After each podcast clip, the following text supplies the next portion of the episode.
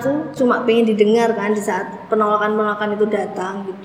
Tapi bukan berarti GPR itu buruk asalkan kamu tahu tujuan ke depanmu itu selama kamu break itu kamu mau ngapain. Kamu harus punya tujuan kamu harus punya planning kamu harus punya arah dan yang pasti kamu harus punya restu Allah dan orang tua Welcome to Siri Serindin ID Bestadi, berkarya, berdaya. Sebuah kanal untuk perempuan muda bisa berdaya dengan ilmu dan karya. Assalamualaikum warahmatullahi wabarakatuh.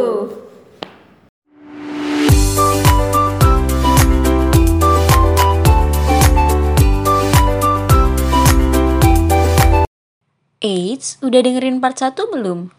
Kalau belum, dengerin dulu ya. Di sana, Dian menceritakan lika-liku perjalanannya hingga memutuskan untuk gap year. Kalau sudah, selamat mendengarkan part 2.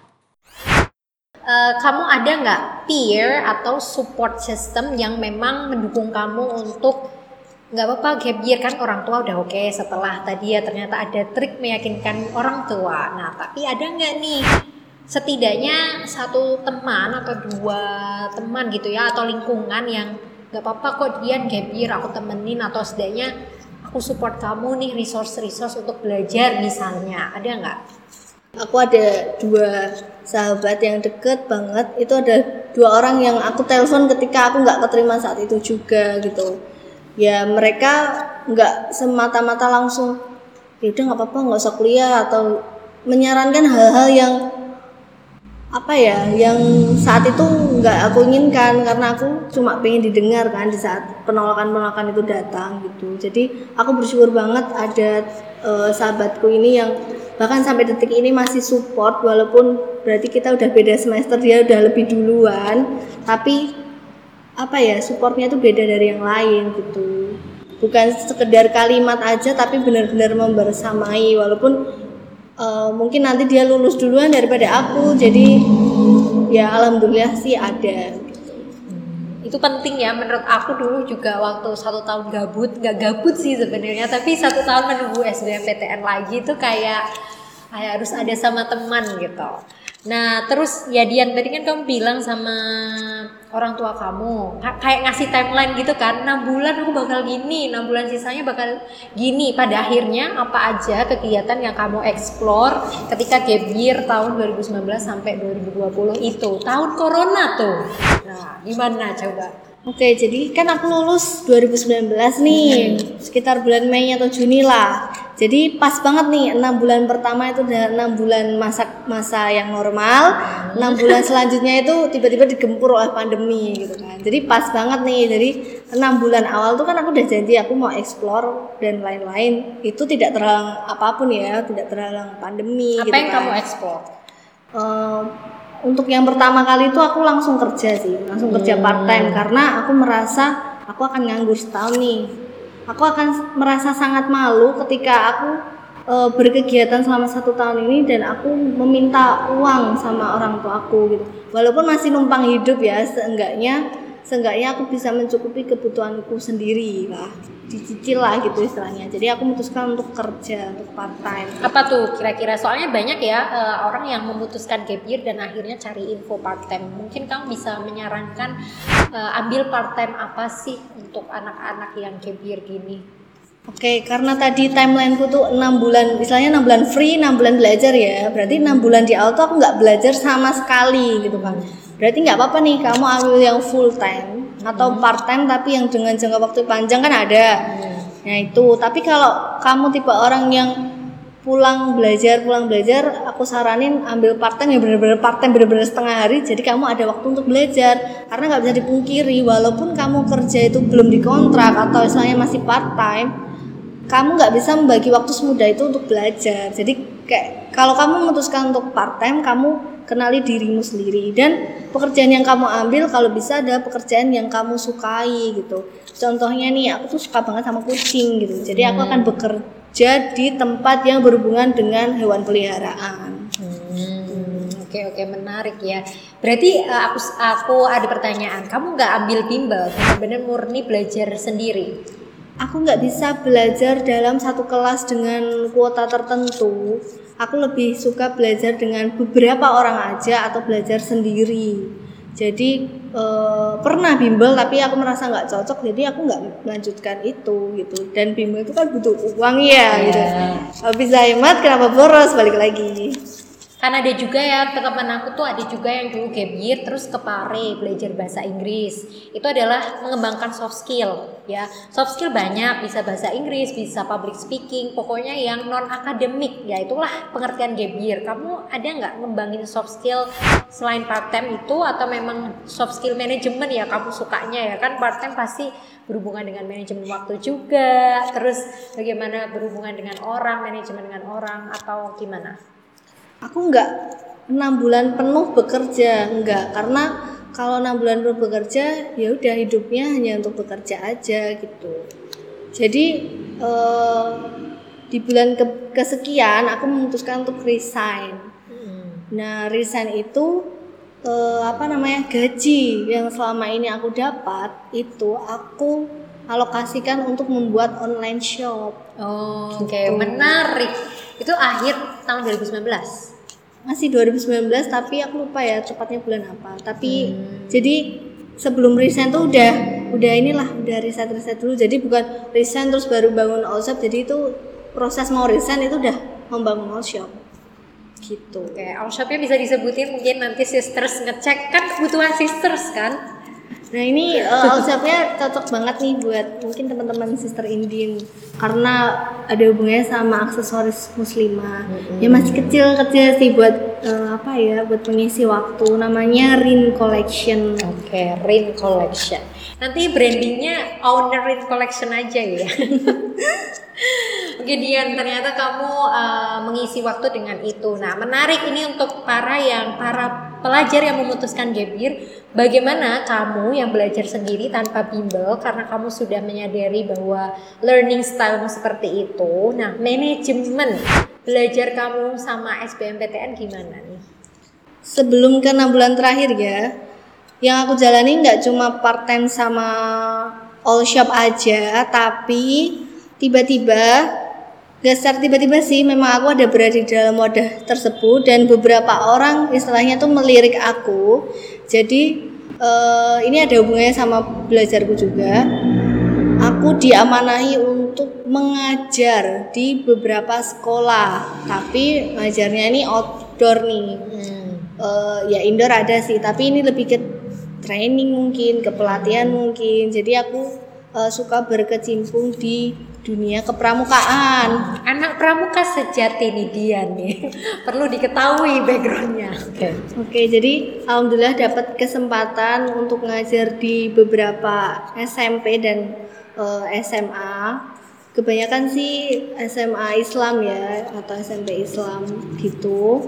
Nah, ya udah waktu-waktu itu aku isi untuk mengajar adik-adik di SMP dan SMA untuk mempersiapkan pertandingan atau perlombaan yang ada hubungannya sama kepramukaan. Jadi bukan ngajar di kelas nih. Nah, dari situ aku menemukan passionku dan bertemu lebih banyak orang. Jadi aku nggak mengurung diri lagi di rumah, bertemu lebih banyak orang dengan banyak background dan jurusan. Jadi aku bisa menggali gimana sih cara belajar mereka dulu, gimana sih eh, kalau kuliah tuh gimana. Jadi aku punya gambaran ketika nanti kalau aku diterima kuliah.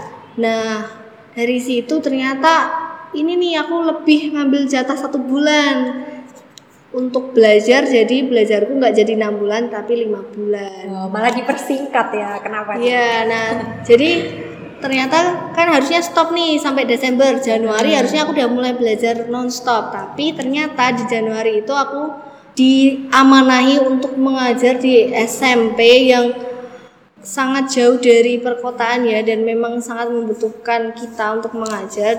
Jadi aku terpanggil untuk yaudah nggak apa-apa deh eh, ambil satu bulan ini untuk mengajar itu. Akhirnya aku menjalani itu ya sudah eh, Januari ke Februari itu full untuk itu. Berarti masa belajarku berkurang nih. Akhirnya karena aku udah mendapatkan pengalaman-pengalaman dan juga apa cerita-cerita tentang kuliah, jadi aku punya gambaran. akhirnya lima bulan itu aku buat dengan jadwal yang sangat terstruktur dan disertai konsekuensi gitu. Jadi aku persiapkan dulu nih selama lima bulan itu ada materi apa aja yang e, nanti keluar di SBM kemudian sub-sub materinya itu aku pecah lagi sehingga setiap satu hari belajar aku tahu aku mau belajar apa gitu. Setiap satu hari ada berapa bab dan berapa subbab materi yang harus aku selesaikan. Baik itu apa membaca mendengarkan atau mengerjakan soal. Dan e, konsekuensinya adalah ketika aku merasa sangat-sangat malas untuk belajar it's okay. Aku akan malas seharian aku nggak akan belajar. Tapi konsekuensinya di hari berikutnya berarti aku harus belajar dua kali lipat. Karena aku udah ngambil jatah satu hari nih buat untuk istirahat lah istilahnya kayak gitu. Jadi aku bener-bener nonstop. Dan ternyata di bulan uh, Februari itu masuk Februari ada virus corona, Oke. jadi semakin mendukung aku untuk kamu jangan ke mana-mana kamu di rumah aja belajar gitu. Blessing jadi in disguise banget ya. Kayak maksudnya aku memutuskan enam bulan sisaku mengurung diri ibarat kata untuk belajar. Nah ter ter apa ya raz- apa ya Allah kasih itu gitu lewat corona gitu.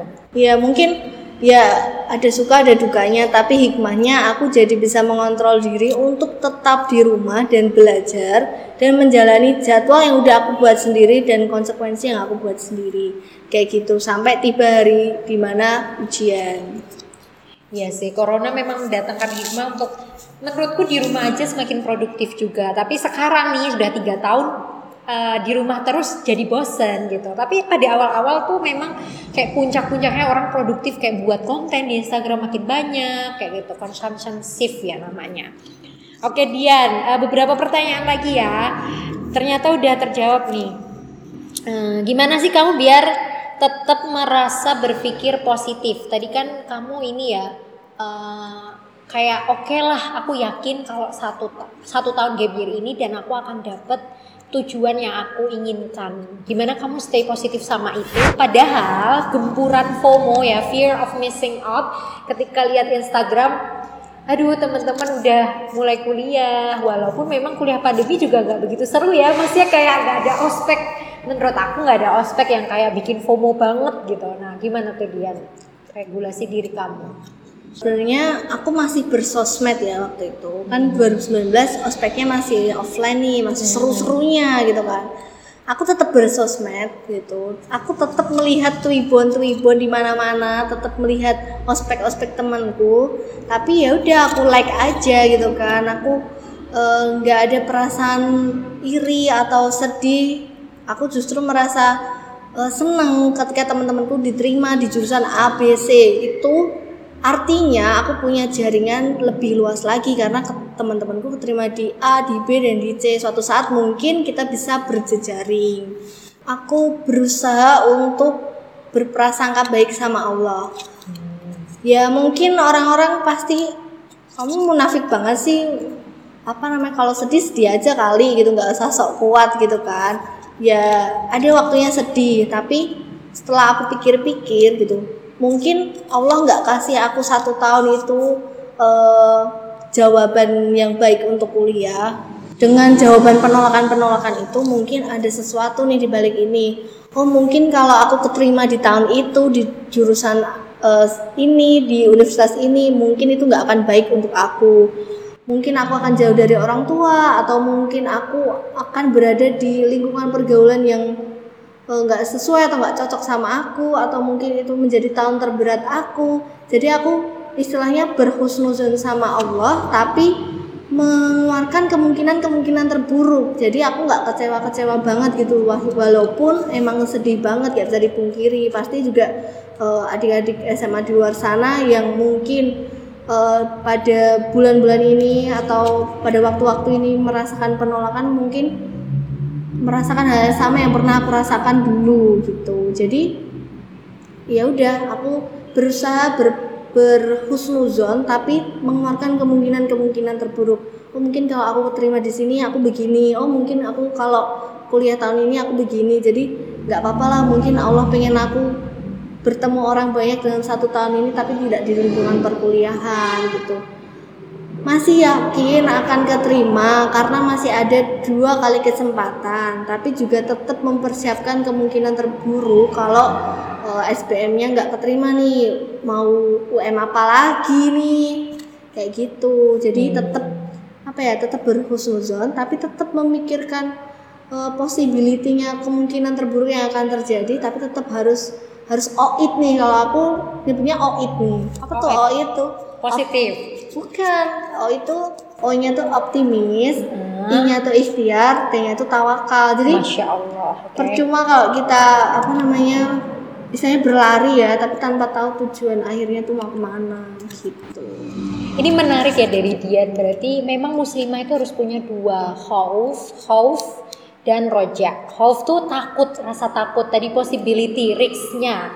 Tapi juga roja, harapan. Harapan kalau kita tuh optimis bisa kok. Tapi jangan sampai harapan itu menjadikan kita sombong. Karena kita lemah tanpa Allah. Kita adanya rasa takut ini bisa biar kita tuh selalu menyandarkan apa-apa ke Allah. Akhirnya husnuzon gitu ya. Sama Allah terus gitu menarik ya masya Allah ternyata. Kalau kalau ternyata takdir Allah itu selalu baik gitu. Takdir Allah tuh nggak pernah salah. Mungkin Dian dengan kisah gebirnya gitu kan. Mungkin orang lain dengan kisah nggak gebirnya pun juga pasti ada hikmah tertentu. Nah ngomongin hikmah ini dua pertanyaan terakhir ya. Hikmah apa yang kamu rasakan ketika jadi gebir student? Entah itu hikmah, entah itu manfaat ketika kamu jadi mahasiswa ya, camaba gitu. Mungkin kamu ngerasa kayak, oke aku lebih siap kuliah karena tadi kan kamu ketemu senior-senior yang udah pernah kuliah ya di cerita gebir kamu. Atau mungkin ada manfaat lain yang kamu rasakan.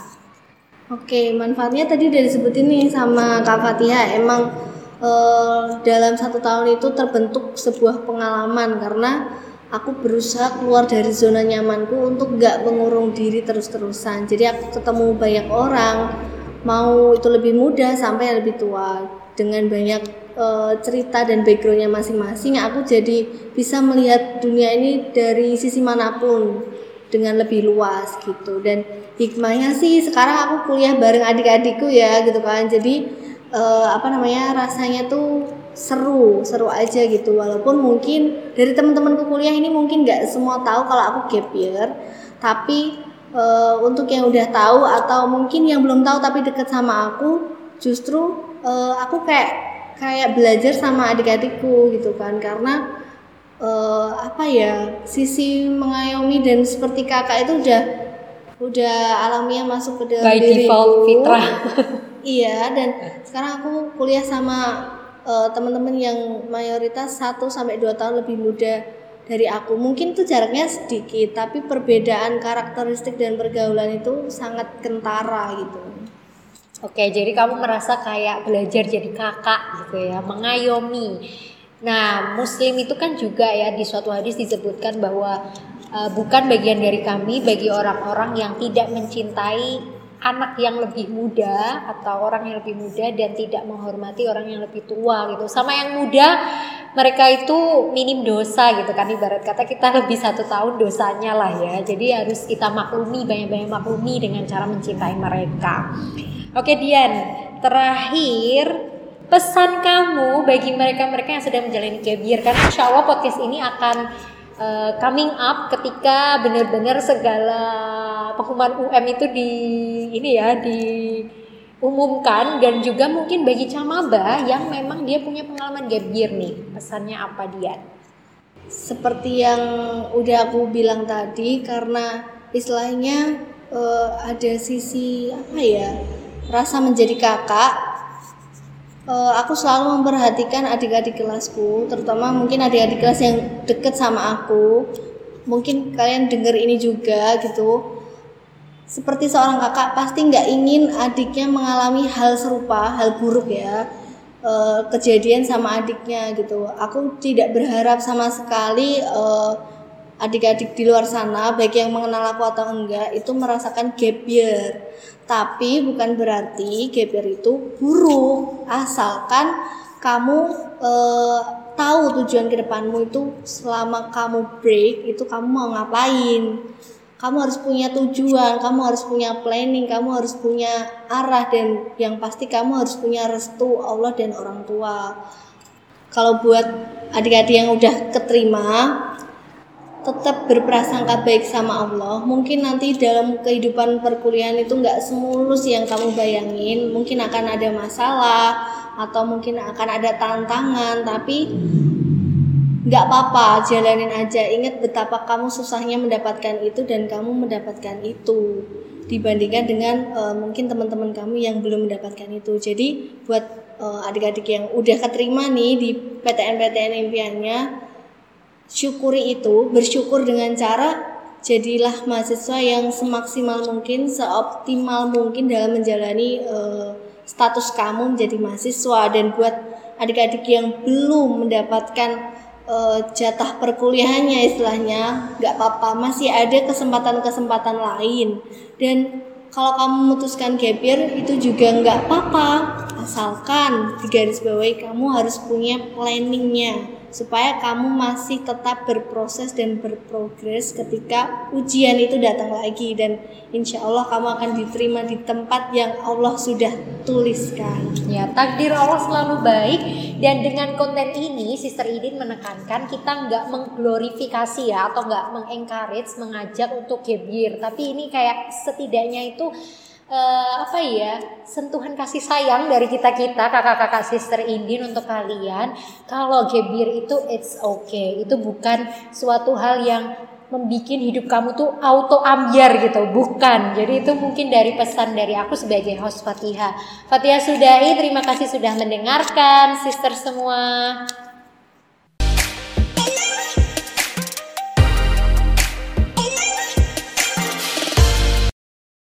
This is the end of Sister Indin ID. Salam lestari, berkarya, berdaya.